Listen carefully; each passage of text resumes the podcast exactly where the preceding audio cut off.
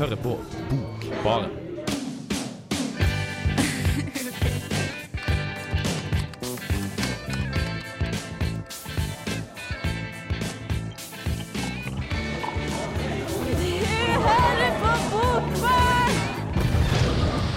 Velkommen til Bokbarn. Endelig skal du få høre vår festivalspesial. For det har seg jo sånn at Bokbarn var i Lillehammer i sommer, på Norsk litteraturfestival, eller Sigrid Undset-dagene som de også kalles. Her var det masse norsk samtidslitteratur, og som alltid så er temaet samspill mellom litteratur og samfunn. Og i år da, så var temaet penger. Dette er Nordens største litteraturfestival, og vi koser oss sammen med debutanter, forfattere, forleggere, kritikere, journalister og mye annet folk. Idun, du var på litt forskjellig, bl.a. Brennende nesler. Ja, det skal jeg preke litt om eh, senere. Det, er, det, var et skuespill faktisk som var oppsett, så blant alle de litterære diskusjonene så var det greit å få et uh, litt avbrekk. Skal òg eh, preke litt om den arabiske våren, eh, blant annet. Men jeg tror Kristina har rukket å fått med seg en del mer enn hva jeg har gjort. jeg vært på noen ting, eh, jeg òg. Jeg var på et foredrag og en samtale med, med den syriske forfatteren Adonis, i samtale med Amal Wahab, som er utenrikskorrespondent i Klassekampen. Så har jeg vært og hørt på Dag Solstad prate om Thomas Mann.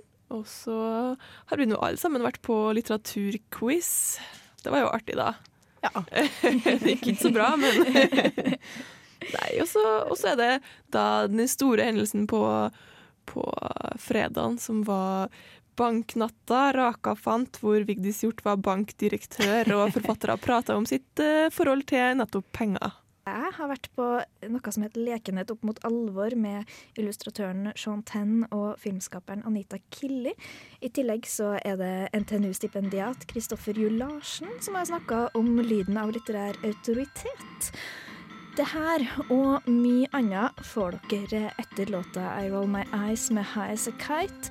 Hør på Bokbarn på Radio Revolt hvis du har lyst til å få med deg hva som skjedde på litteraturfestivalen i Lillehammer. Jeg heter Erlend Nøttet, og du hører på Studentradioen i Trondheim. Erlend O. Nødtvedt han var også på litteraturfestivalen, sant Øyvind? ja, det var han. Så jeg gikk jo på han innimellom, så jeg var så heldig å få være og preke med han og lage en jingle. Han er jo litt søt da, Audun. Der tror jeg kanskje også snakka om fær på lufta. Så skal han vente neste bok må ta det opp igjen. Ja. Vi kom jo oppover, eller nedover heter det når du kommer fra Trondheim til Lillehammer, eh, på torsdag. Og da hadde allerede vært eh, Da var litteraturfestivalen allerede starta. Så det var en del som vi ikke fikk med oss, da, og vi tenkte jo bare vi skulle nevne det litt sånn eh, kort for å få det med, det også. Kristine, du har ja, jeg det er ting som jeg er lei meg for at jeg ikke fikk med meg, men det er ikke så greit når festivalen er midt i eksamenstida for oss stakkars studenter. At eksamen både før og etter festivalen. Så det jeg gikk glipp av som jeg hadde lyst til å få med meg, da, det var et forfattermøte med Thomas Espedal og Josefine Klogar, den danske forfatteren som har blitt veldig populær. Uh, hun har jo uh, nettopp, eller da hadde hun nettopp kommet med ei bok som heter 'En av oss sover'. Eh, men den jeg har eh, lest av hun, heter 'Stigninger og fall', eh, som hun ble nominert til Nordisk råds litteraturpris for, og den forelska jeg meg bare helt i. Mm, og Det kan jo ganske nevne, at det er ganske stille at en debutant blir nominert. Og det ja. fikk jo da danske representantene litt tyn for da de nominerte akkurat henne.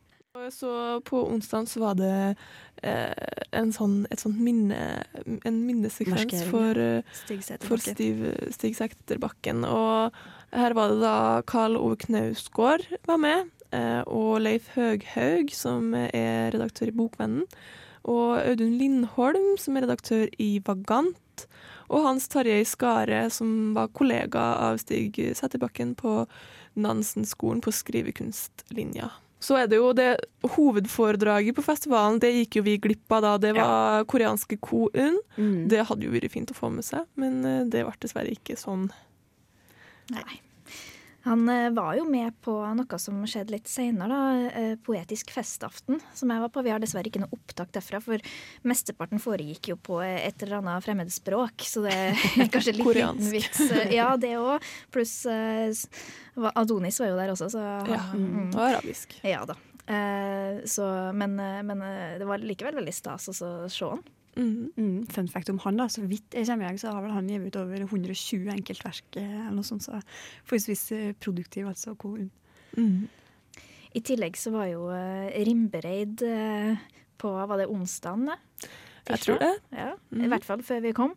Og han hadde jo jeg veldig lyst til å få med meg, da. For han har jo skrevet flere, flere diktsamlinger som jeg syns er veldig fine. Den siste er 'Jimmen', som har fått helt fantastiske kritikker, og som jeg koser meg veldig med. Han er en veldig spesiell eh, poet, og synd at, eh, han, eh, at jeg ikke fikk med meg han også. Vi hadde jo også Anne B. Ragde. Det må vi fortelle litt om. Uh, hun- Vil du bli millionær? Ja. Er det det du sikta til? Ja, det her var, det var på torsdagen, da, men det, det fikk vi dessverre ikke med oss, for det var noe annet som vi prioriterte over det. Det angra vi kanskje litt på. Det var noe i hvert fall voldsomt eh, mediestyre. Ja, VG og eh, Dagbladet gikk amok etterpå. Ja, for hva er det hun hadde sagt her, da? Nei, det var jo uh, Thomas Espedal da, som mente at uh, hvis det selger godt, så er det dårlig. Og da ble Ragde sur, fordi hun er glad i penger, det vet vi. At hun ser òg godt.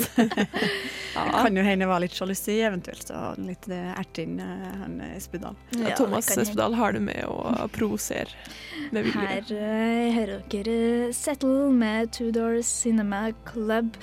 Dere får mer fra oss etter denne låta.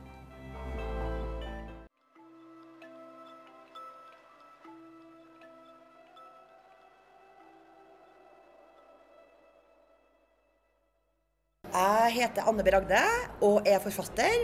Og når man er forfatter, så hører man selvsagt på Bokbarn så ofte man har anledning. Det gjør man. Vi skal gå over til et eh, teaterstykke som eh, jeg og Idun var også på. Det het eh, 'Brennende nesler'. Og vi syns vel egentlig det var ganske flott. Ja, vet du, det var kjempekoselig.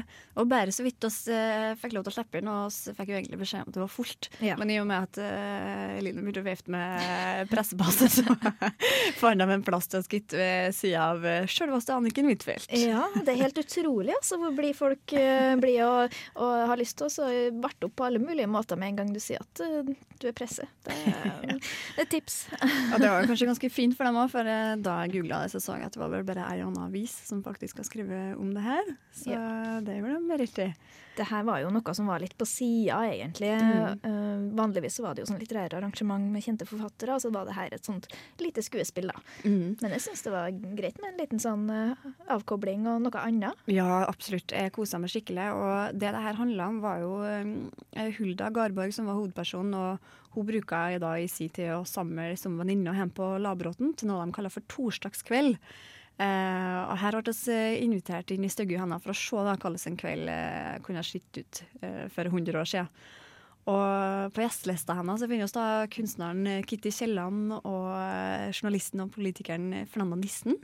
Eh, forfatteren Barbara Ring, og så kom jo Sigrid Undset da, inn etter hvert på denne eh, kvelden. Og eh, de diskuterte jo eh, politikk og kunst og kvinnenes rolle i samfunnet, og det var Ja. et måte på. Det gjorde de. Det, hele stykket foregikk jo egentlig med at de satt rundt bordet og, og snakka om det som eh, de var opptatt av. Ja, og drakk, ikke minst. Det var, de var flinke på skålinga, det var fri flyt med champagne. Og var Du preka jo litt om akkurat 'Brennende nesler', eh, om tittelen, Eline. Ja, fordi um, jeg lurte jo litt på hvorfor, uh, hvorfor heter det brennende nesler. Um, og det fikk vi jo vite underveis, da, for oss som ikke har så veldig god kjennskap til Hulda Garborg fra før. Så laga jo hun en neslesuppe mm. uh, som hun delte ut. Var Ja. det ikke sånn? Hvor lystsomt driftig dame, og uh, i tillegg til å være forfatter, så ga vi også ut kokebok og drev med folkedrakter og skrev på landsmål, ikke minst. Ja, det gjorde jeg et poeng ut av. ja. ja, det var flott. Men eh, det som kanskje prega stykket mest, da, det var de her eh, mannehistorien da, og forholdet til menn og utroskap og kjærlighet og det som var. Og de har jo faktisk en ganske vittig seanse om uh, selveste Bjørnstjerne Bjørnson. Det gikk jo helt nærmest fra sans og samling da vi hørte at han skulle komme. Tiere blir det tyst, skrev Hansen. Og godt var det. Det var ikke bestandig så moro å få beskjed der oppe fra fjærdyna på Øvnestad hva man skulle mene om dette og hint.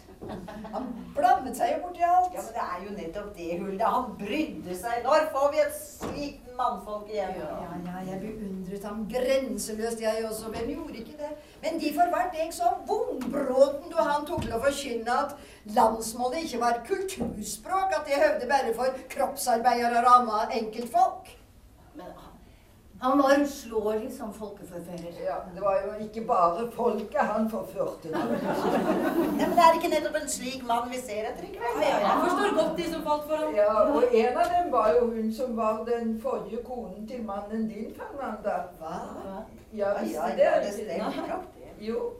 Ja, hun, det var jo hun pianistinnen Erika Lie, som hun het den gangen. Jo da, de elsket i vildens sky. Dette har vi da ikke hørt noen ting om. Det var visst Bjørnson-barna som tok affære og tvang pappa tilbake til Karoline. Ja, det hadde han sannelig godt av. Ja, det hadde han. Ja, Du, dette skulle folk ha visst. Ja. Å, så deilig med en real. Ja, ja, ja. Vi får kanskje finne noen enklere Don Juanger da, sånn til husbruk. Ja. Radio Revolt. Der eh, fikk dere høre Hulda Garborg fortelle om Bjørnstjerne Bjørnson. En morsom gjeng, det der. I bakgrunnen nå så får dere låta 'Criminals' med 'The Tallest Man on Earth' på Radio Revolt. Well, there were days Eh, Ja, jeg heter Dag Solstad, og dere hører nå på Bokbaren, og der er altså jeg. Dag Solstad er med oss. Ja. Eh, Vi skal bevege oss videre til et arrangement som eh, foregikk på fredagen. Eh, Det heter 'Lekenhet opp mot alvor', og der var det den australske illustratøren Sean Tenn som snakka, sammen med den norske filmskaperen Anita Killi. De har vunnet priser begge to, og er ganske dyktige på det de gjør også. Lekenhet opp mot alvor. Hvorfor har de gitt akkurat den tittelen? Jo, for det som prega det her foredraget, det var eh, verk som de har eh, gjort, da, der, em, som handler om ganske alvorlige tema. Eh, blant annet Anita Killi sin film som heter 'Sinna mann', handler om en far i en familie som eh, har eh, et problem med sinnet sitt, og som blir veldig voldelig. Og hovedpersonen er da den lille gutten, da. Og det er ikke så veldig hyggelig tema, men det er likevel for barn, og det er gjort på en sånn leken måte. Uh, Sean Tenn har tidligere skrevet boka 'Det røde treet', som blir sett på som en barnebok hos mange, men den handler også om depresjon. Så det er litt sånn det alvorlige temaet med en morsom strek og gjort på, litt sånn, på en hyggelig måte. da. Veldig, veldig greit, syns jeg. Uh, kan jo snakke litt om hva de her filmene handler om. Og um, Sean Tenn sin eh, film som, han, eh, som var hovedpoenget da, i, i her foredraget, den heter um, eh, Den bortkomne tingen. Og, og den handler om en ting som blir funnet på stranda. Eh, det er en levende ting. Den ser ut som en sånn stor mekanisk krabbe. Den er ulikt noe annet du kan forestille deg. Altså, det er Sean Tenn som bare har laga noe rart. Men den er levende. Og veldig, veldig søt. Altså, det er en liten gutt som finner denne tingen i et samfunn som er prega av at alt som er der, har en nytteverdi. Da. Alt, er, alt er veldig sånn strikt og øh, ordentlig, og det er ingenting som er der bare for gøy lenger. Uh, og denne tingen har jo ingen nytteverdi, og blant annet så spiser den uh, juletrepynt. Uh, fordi det er en sånn ting som er så Det har ingen nytteverdi egentlig, det heller, og det er bare der for stemninga sin del og for hyggen og kos. Og da må jo et sånt søtt dyr livne seg på noe som er like hyggelig som seg sjøl, da. så det, det, var veldig fint, og veldig fine illustrasjoner, og Killy sin film er også veldig, veldig sånn visuelt pen å se på. Men som vi skal se, så var gjennomføringa av det her foredraget ganske sånn på snei, og gjorde at innholdet dessverre ble ødelagt. Det var med store forhåpninger jeg kapra den aller siste ledige stolen på Galleri Sink på Lillehammer under Norsk litteraturfestival 2012. Festivalen hadde slått til med Sean Tenn på programmet, som vant Oscar for beste animasjonsfilm for Den bortkomne tingen i 2011. I tillegg fikk vi møte den norske animatøren Anita Killi, filmskaperen som vant flest priser i 2010. Alt lå dermed til rette for et glimrende arrangement.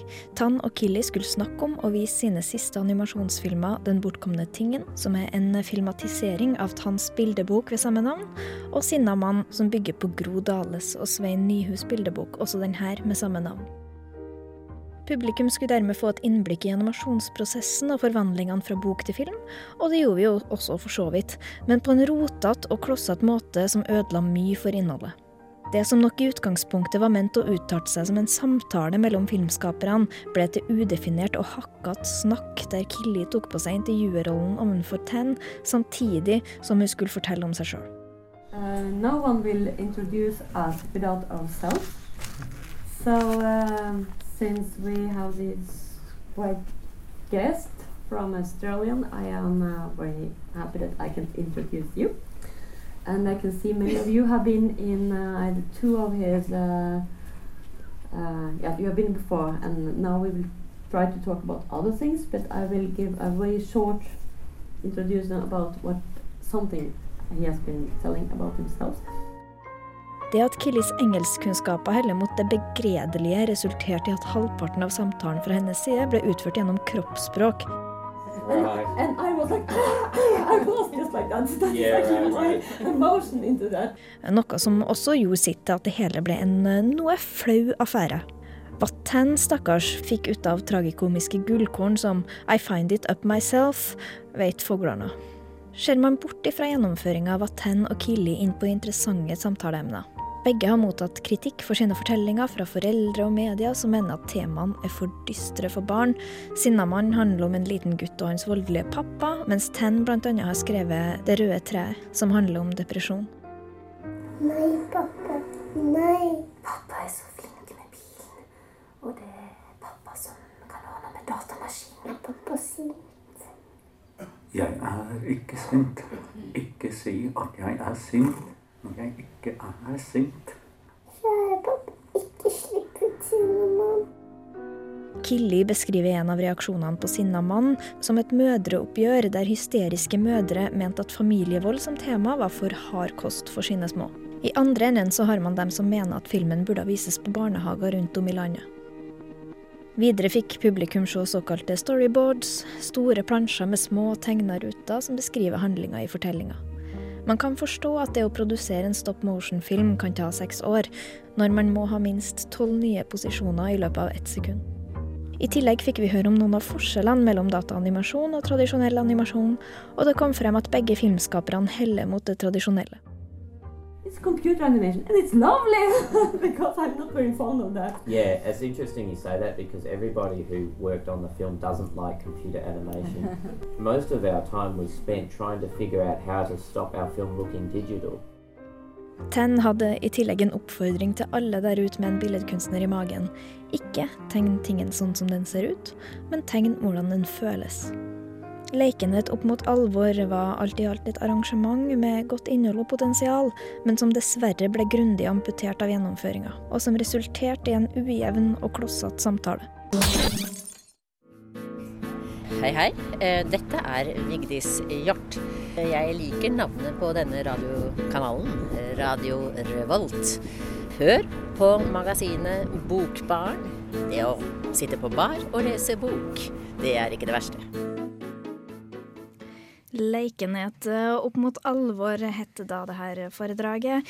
Og ja, det var jo en blanda opplevelse. Jeg skjønner ikke helt hvorfor de absolutt skulle ha Anita Killi til både å være intervjuer samtidig som hun skulle fortelle om seg sjøl, og snakke engelsk, for guds skyld. Altså, det er nei.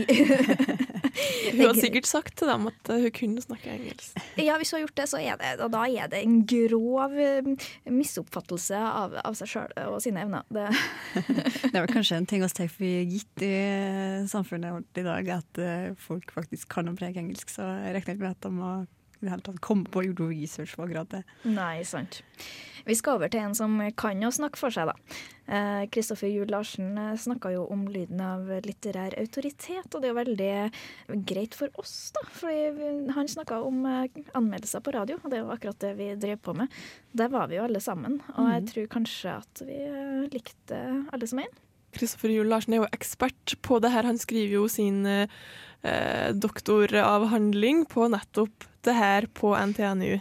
Ja, det var vel eh, kanskje utdrag fra hans eh, avhandling, det vi fikk høre. Godt mulig, kanskje. Han Eh, preka jo litt om det i tillegg. Ja. Det gjorde han.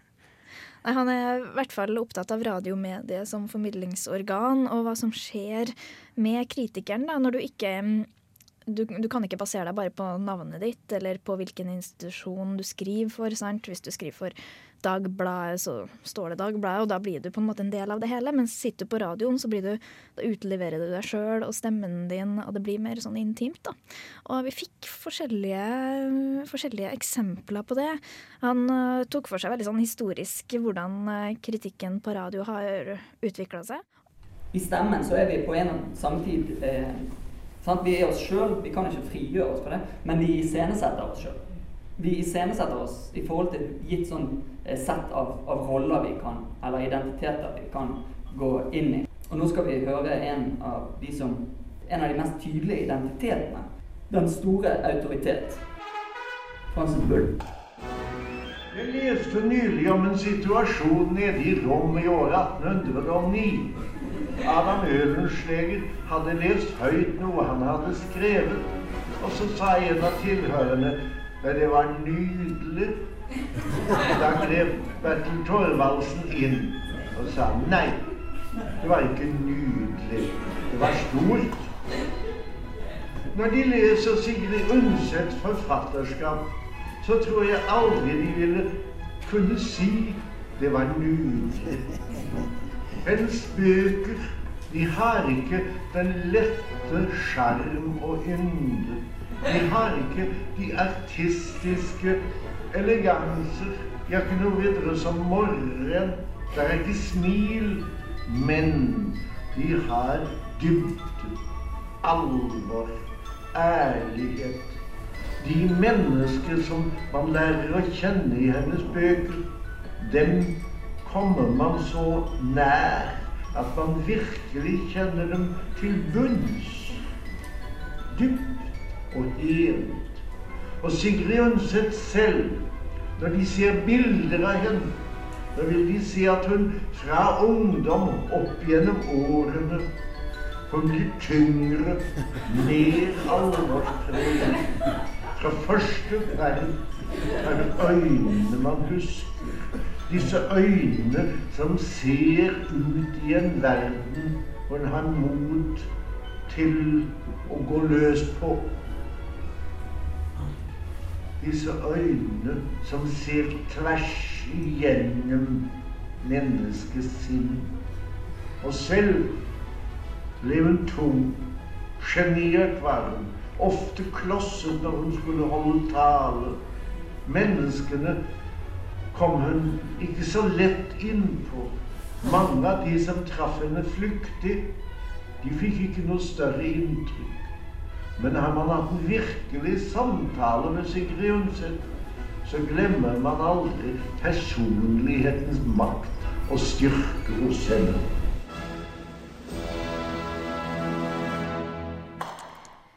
Francis Bull der også, med patos og etos og alt.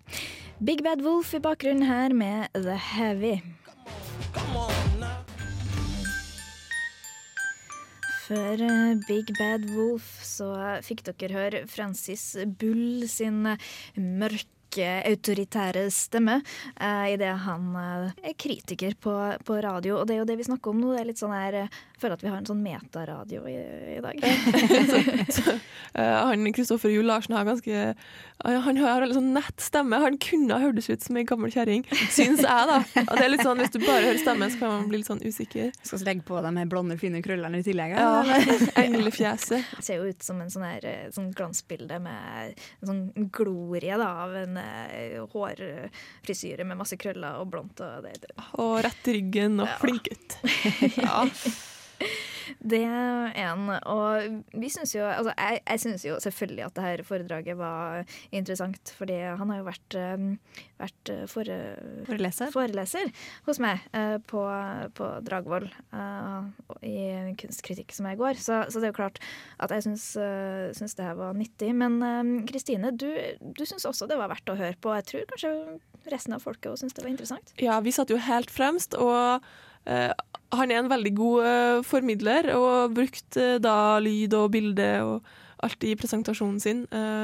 samtidig som at han var veldig interessant å høre på, så det var ikke sånn at man ble sittende og kjede seg, sjøl om det på en måte innimellom ble litt sånn teknisk om retorikkfaget og sånn, men det gikk helt fint. Ja, og um, det som vi har hørt nå, da, var jo begynnelsen på på hvordan kritikken utvikla seg på radio. Eh, etter hvert så skal dere få høre et eh, opptak der Kristoffer Juel Larsen snakker om eh, utviklinga og en mer sånn faglig approach til det å anmelde bøker. Så kommer en ny tid. Vi får nærradio. Vi får NRK P2. Vi får studentradioene, som faktisk har vært et veldig viktig kritiske, eh, litteraturkritiske organer. Og i dette her, denne oppblomstringen, så kommer kritikken. Da kommer anmeldelser. Men samtidig så er det en annen ting som har skjedd. Vi har fått et nytt litteraturfag. Francis Bull er ikke lenger autoritet. Det er blitt en annen måte å gjøre det på. Boken er et oppgjør med norsk litteraturs toneangivende forfattere de siste 10-15 år. Og det er ikke bare Knut Fallbakken som får gjennomgå. Også Dag Solstad, Espen Håvardsvold, Liv Køltzow, Tove Nilsen, Erling Gjelsvik og andre får sitt pass påskrevet. Dette litterære oppgjøret er montert inn i et tidsperspektiv der forfatteren forsøker å ramme hele sitt eget århundres kultur ved hjelp av referanser til russ nihilisme fra forrige århundre. Skagen mener at vår tids kultur er en nihilistisk kultur, innholdsløs og verdiforflatende. Og som vi hørte, dette er en bok som opererer på et høyt støynivå hva skjellsord og personlige angrep angår. Kai Skagen har tidligere skrevet en roman om å brenne broer, og nå viser han til fulle hva det vil si å brenne broforbindelsene til enhver form for vanlig uttrykksmåte og saklig argumentasjon. Selv mener jeg imidlertid at Basals barn er en langt mindre betydelig bok enn støynivået skulle tilsi. Boken vil sikkert kunne forårsake bråk, men forståelse tror jeg ikke den vil bringe. Til dette er de litterære analysene for svake og det idehistoriske overblikket for mangelfullt. Her har vi altså den nye vinen, og den er knusktørr. I forhold til uh, Francis Bull så er det altså ikke et forsøk på iscenesettelse. Det er en sånn faglighet. Men det som er interessant, er at uh, Francis Bull, når vi hørte han, så er jo han mye mer levende.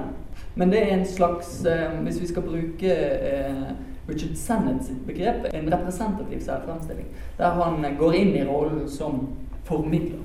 Mens eh, Per Thomas Andersen kanskje likevel er mer autentisk. Der uh, fikk dere uh, et nytt innblikk i radiomediets utvikling med tanke på litteraturkritikk. Jeg, savner jo Francis Bulle, da.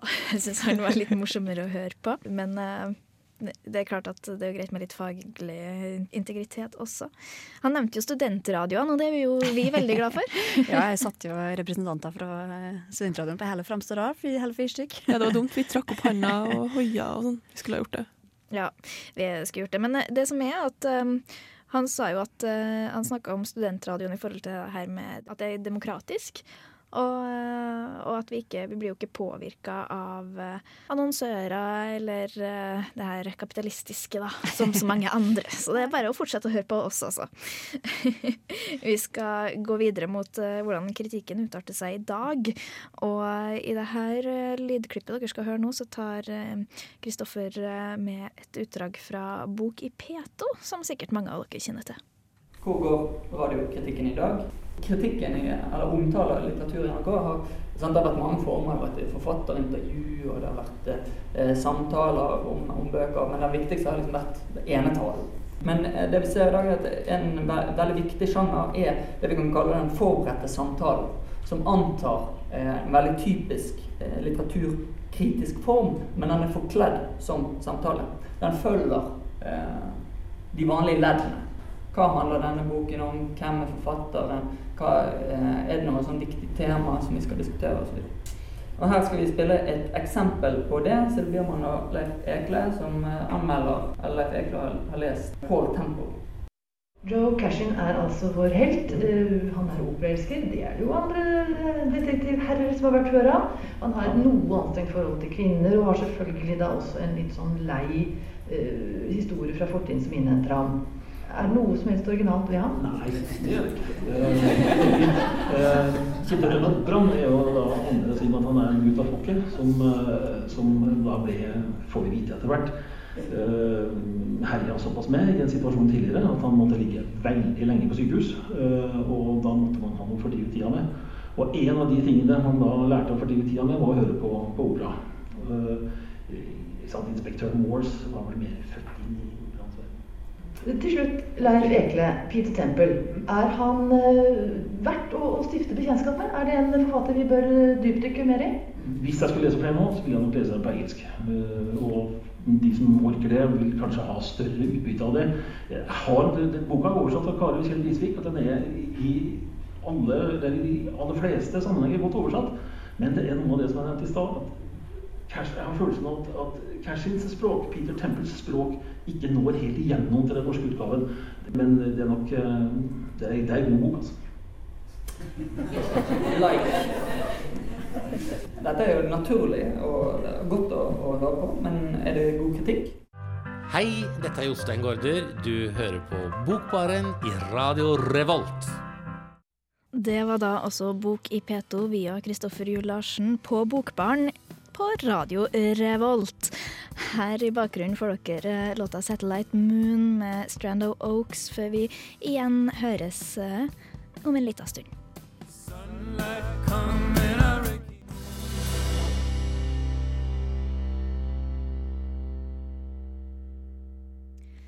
Satellite Moon med Strando Oaks. Mm, veldig fin låt, eh, om jeg skal si det sjøl. Eh, vi skal over til det som kanskje kan beskrives som litteraturfestivalens eh, store høydepunkt, og det var Banknatta. Dere fikk med dere den, Kristina og Iden? Ja, det var litt av et show. Ja, det var stas, det. Det er liksom fredagskvelden som er det store på litteraturfestivalen. For når, det blir helg, så begynner folk å forrå litt sånn etter hvert. Sånn at uh, lørdagen er litt roligere, og på søndagen så er det ganske tomt. Men på fredagskvelden, da er det store festnatta. Mm. Eh, og da var det på Banken, Kulturhuset Banken, at eh, det foregikk. Og siden temaet var penger på årets festival, så var det nettopp penger man skulle snakke om da, på banken. Så Vigdis Hjorth var, var bankdirektør og gikk helhjerta inn i rollen som bankdirektør, skal vi få høre. Og hun hadde med seg fire forfattere som Mm. eh, snakka spesielt for anledningen om eh, sitt forhold til penger. Og det er jo ikke bare enkelt i denne forfatterverdenen, for så så det. Nei. eh, han eh, Ture Erik Lund snakka jo om dette her at Uh, eh, nye forfattere, og ikke så kjente forfattere, de opparbeider seg ikke ja, Kanskje også pengegjeld, men uh, også forventningsgjeld. Da. Så da føler man mer og mer press på seg til å skrive godt. Så ja. For det her arrangementet det heter jo Rakafant, og det gir jo visse assosiasjoner. Ja, det er ikke bare greit, er ikke bare greit å, å være uh, ukjent forfatter. Nei, det var voldsomt eh, skattesmell eh, Agnes Ravatn fikk i hvert fall. Det gjorde inntrykk på oss fattige studenter. Ja, vi skal få høre Agnes Ravatn fortelle om sitt, ja, sitt uheldige, sine uheldige hendelser angående penger. Eh, Men eh, så var det jo også da Øyvind Berg eh, fortalte, og Kristine Tofte. Og du har jo lest noe av Kristine Tofte? Jo da, jeg har lest Kristine Tofte. Det begynner å bli kjølig lenge siden. Tre-fire år siden hun kom med sang fra Eirabu, som da er fantasy på nynorsk. For kan jeg si unge piker, for jeg følte at det var kanskje ikke Det ble jo litt sånn husmorpornosjanger inni her òg, men nok om det. det hun jo, fikk jo egentlig ikke komme med oppfølgeren, skulle du si, bare så vidt. De har jo ikke trykt opp nok, eller jeg kommer ikke helt på hvordan det var, men det ble jo sånn der um, protestaksjon på nettet i hvert fall, så det kommer en toer. Jaha. Hun var i alle fall absolutt den eh, morsomste på den her eh, raka fant-banknatta. Ja. Jeg vil si at hun preker bedre enn hva hun skriver. Ja, det kan vi vel si. Kan vi si at uh, du kan ikke både være millionær og litterær? Bra poeng, eh, Line. Det var jo da altså Agnes Ravatn som kanskje hadde mest eh, ja, slående foredrag om, om sitt forhold til penger. Så jeg tror nesten vi bare må høre hva det var som skjedde med Agnes Ravatn. En av Hemingways figurer, en viss herr Edon, har min kone fortalt, fikk en gang spørsmålet om hvordan han gikk konkurs. Og han svarte på to måter. Først gradvis, og så plutselig. Kveldens neste gjest og siste vet alt om å gå konkurs, både gradvis og plutselig. Heller ikke henne vil jeg vurdere å gi et lån. Men jeg kunne ta henne med ut på en, en drink og gi henne råd om privatøkonomi. Hvis altså min kone ikke fikk niks om saken. Min kone hevder at den unge damen ikke er helt ufarlig. Muligens planlegger hun å rane en bank. Hun er visst typen. Å rane en bank er som kjent mye verre enn å eie en. Ta vel imot Agnes Ravan. Våren for to år siden så fikk jeg beskjed fra skatteetaten om at jeg måtte betale 167 000 i restskatt. Litt vanskelig å forklare akkurat hvordan det kunne skje. Men jeg, sånn, en veldig forenkla framstilling er at jeg eh, brukte opp alt jeg tjente av penger uten å betale skatt underveis. En eller annen måte så var det tilsvarende for sosialdemokrati, og jeg holdt heller ikke av penger til skatt. Eh, Men når jeg fikk den beskjeden, så bestemte jeg meg veldig kontant for å aldri mer bruke penger. Eh, Så jeg konfiskerte bankkortene mine, og så begynte jeg å lete etter strøjobber der jeg kunne få kontantbetaling. for å se hvor lenge de kan holde seg ute på den måten med litt småpenger her og der. Eh, Det gikk omtrent tre måneder før jeg sprakk. Det var en litt fornedrende og uheldig episode der jeg fikk øye på et uh, nytt produkt fra Tine Meierier. Sjokolademjølk uh, med banansmak. Uh, jeg har ikke tenkt å gå mer inn på det men istedenfor så har jeg utarbeida ei liste over eh, tips for fattige basert på egne erfaringer for de månedene jeg levde fra hand til munn. Eh, Jeg har delt erfaringene inn i tre hovedkategorier som jeg har valgt å kalle for kosthold, anskaffelser eh, og spesielle utfordringer. Jeg tenkte jeg kunne starte med kostholdsråd. Eh, Først og fremst vil jeg anbefale veldig sterkt å ikke ha for høye ambisjoner når det gjelder det som blir kalt på folkemunne naturens spiskammers. Ikke spesielt eh, samarbeidsvillig natur. Stakkars eh, Agnes Ravatn. Høres ut som hun har måttet sulte seg sjøl her. Det er ikke lett å være forfatter. Eller student. Nei, det, we can relate. vi er jo ganske jeg må si, vi er i bohema hele gjengen, da. Og det, jo, det er både romantisk og tragisk på samme tid, kanskje. Men eh, vi begynner å nærme oss eh, slutten her, og eh, vi må prøve å få en oppsummering da, av, av hva vi syns var mest stas eh, på årets eh, litteraturfestival. Har du lyst til å begynne i det? Ja, som jeg da skal komme tilbake til neste sending, så er det jo eh, eh, foredrag om Snorre sine, altså ikke Snorre sine nye oversettinger. Det er selvsagt ikke han som har oversett. Det er Roy Jacobsen og annet eh, Pollestad som har ordna en nyoversetting. Og det skal jeg preke mer om. Det tykte jeg var et kjempearrangement, til tross for at jeg kanskje var den eneste på 40 eller 60. uh, og i dag nevnt Brennende Nesler, som jeg og du var på. Det var fint med et avbrakk. Og Adonis, ikke minst, eh, var kjempebra. Og arabiske våren var interessant. Og mm. det var generelt kjølig mye bra. Ja. Jeg er helt enig. Eh, Det jeg likte veldig godt, som vi dessverre ikke fikk prata om nå, det var eh, nordisk forfattermøte 60, 70, 80, som, eh, som var på torsdag. Det var med Merete Lindstrøm, som vant Nordisk råds litteraturpris. Og så var det Josefine Klugard og kona til Knausgård, Linda Knausgård. Noe som jeg syns var ganske interessant, det var jo det her eh, som vi har hørt masse på eh, med Kristoffer Juel eh, Larsen. Og, eh, og, og så var det veldig spesielt, altså eh, det her med lekenhet opp mot alvor. eh, det var ikke det, var jo, det ble jo ikke så bra som jeg trodde, men likevel så var det artig å se og bare møte Sean Tenn, da, spesielt. Han, for han stakkars, han var jo helt uskyldig i det her. Han syntes jo sikkert det var litt vanskelig å følge med sjøl. Men um, vi har jo mer å by på, da, for vi skal jo ha enda en sending fra litteraturfestivalen der vi tar for oss hva som skjedde på lørdagen, og for det meste litt grann i søndagen også. Og for å hinte litt, da, så kan jeg jo si det blir Snorre, og så blir det Vigdis Hjort. David Vann, bok og barokk, og mye spennende. Med meg i studio i dag så har jeg hatt Idun Fivelstad og Kristine Bangstad Fredriksen har vært både deltaker og tekniker.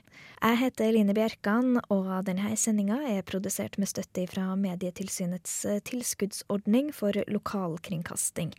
Her får dere låta Sandy med à la Las på Radio Revolt, altså. Hør på oss til neste uke.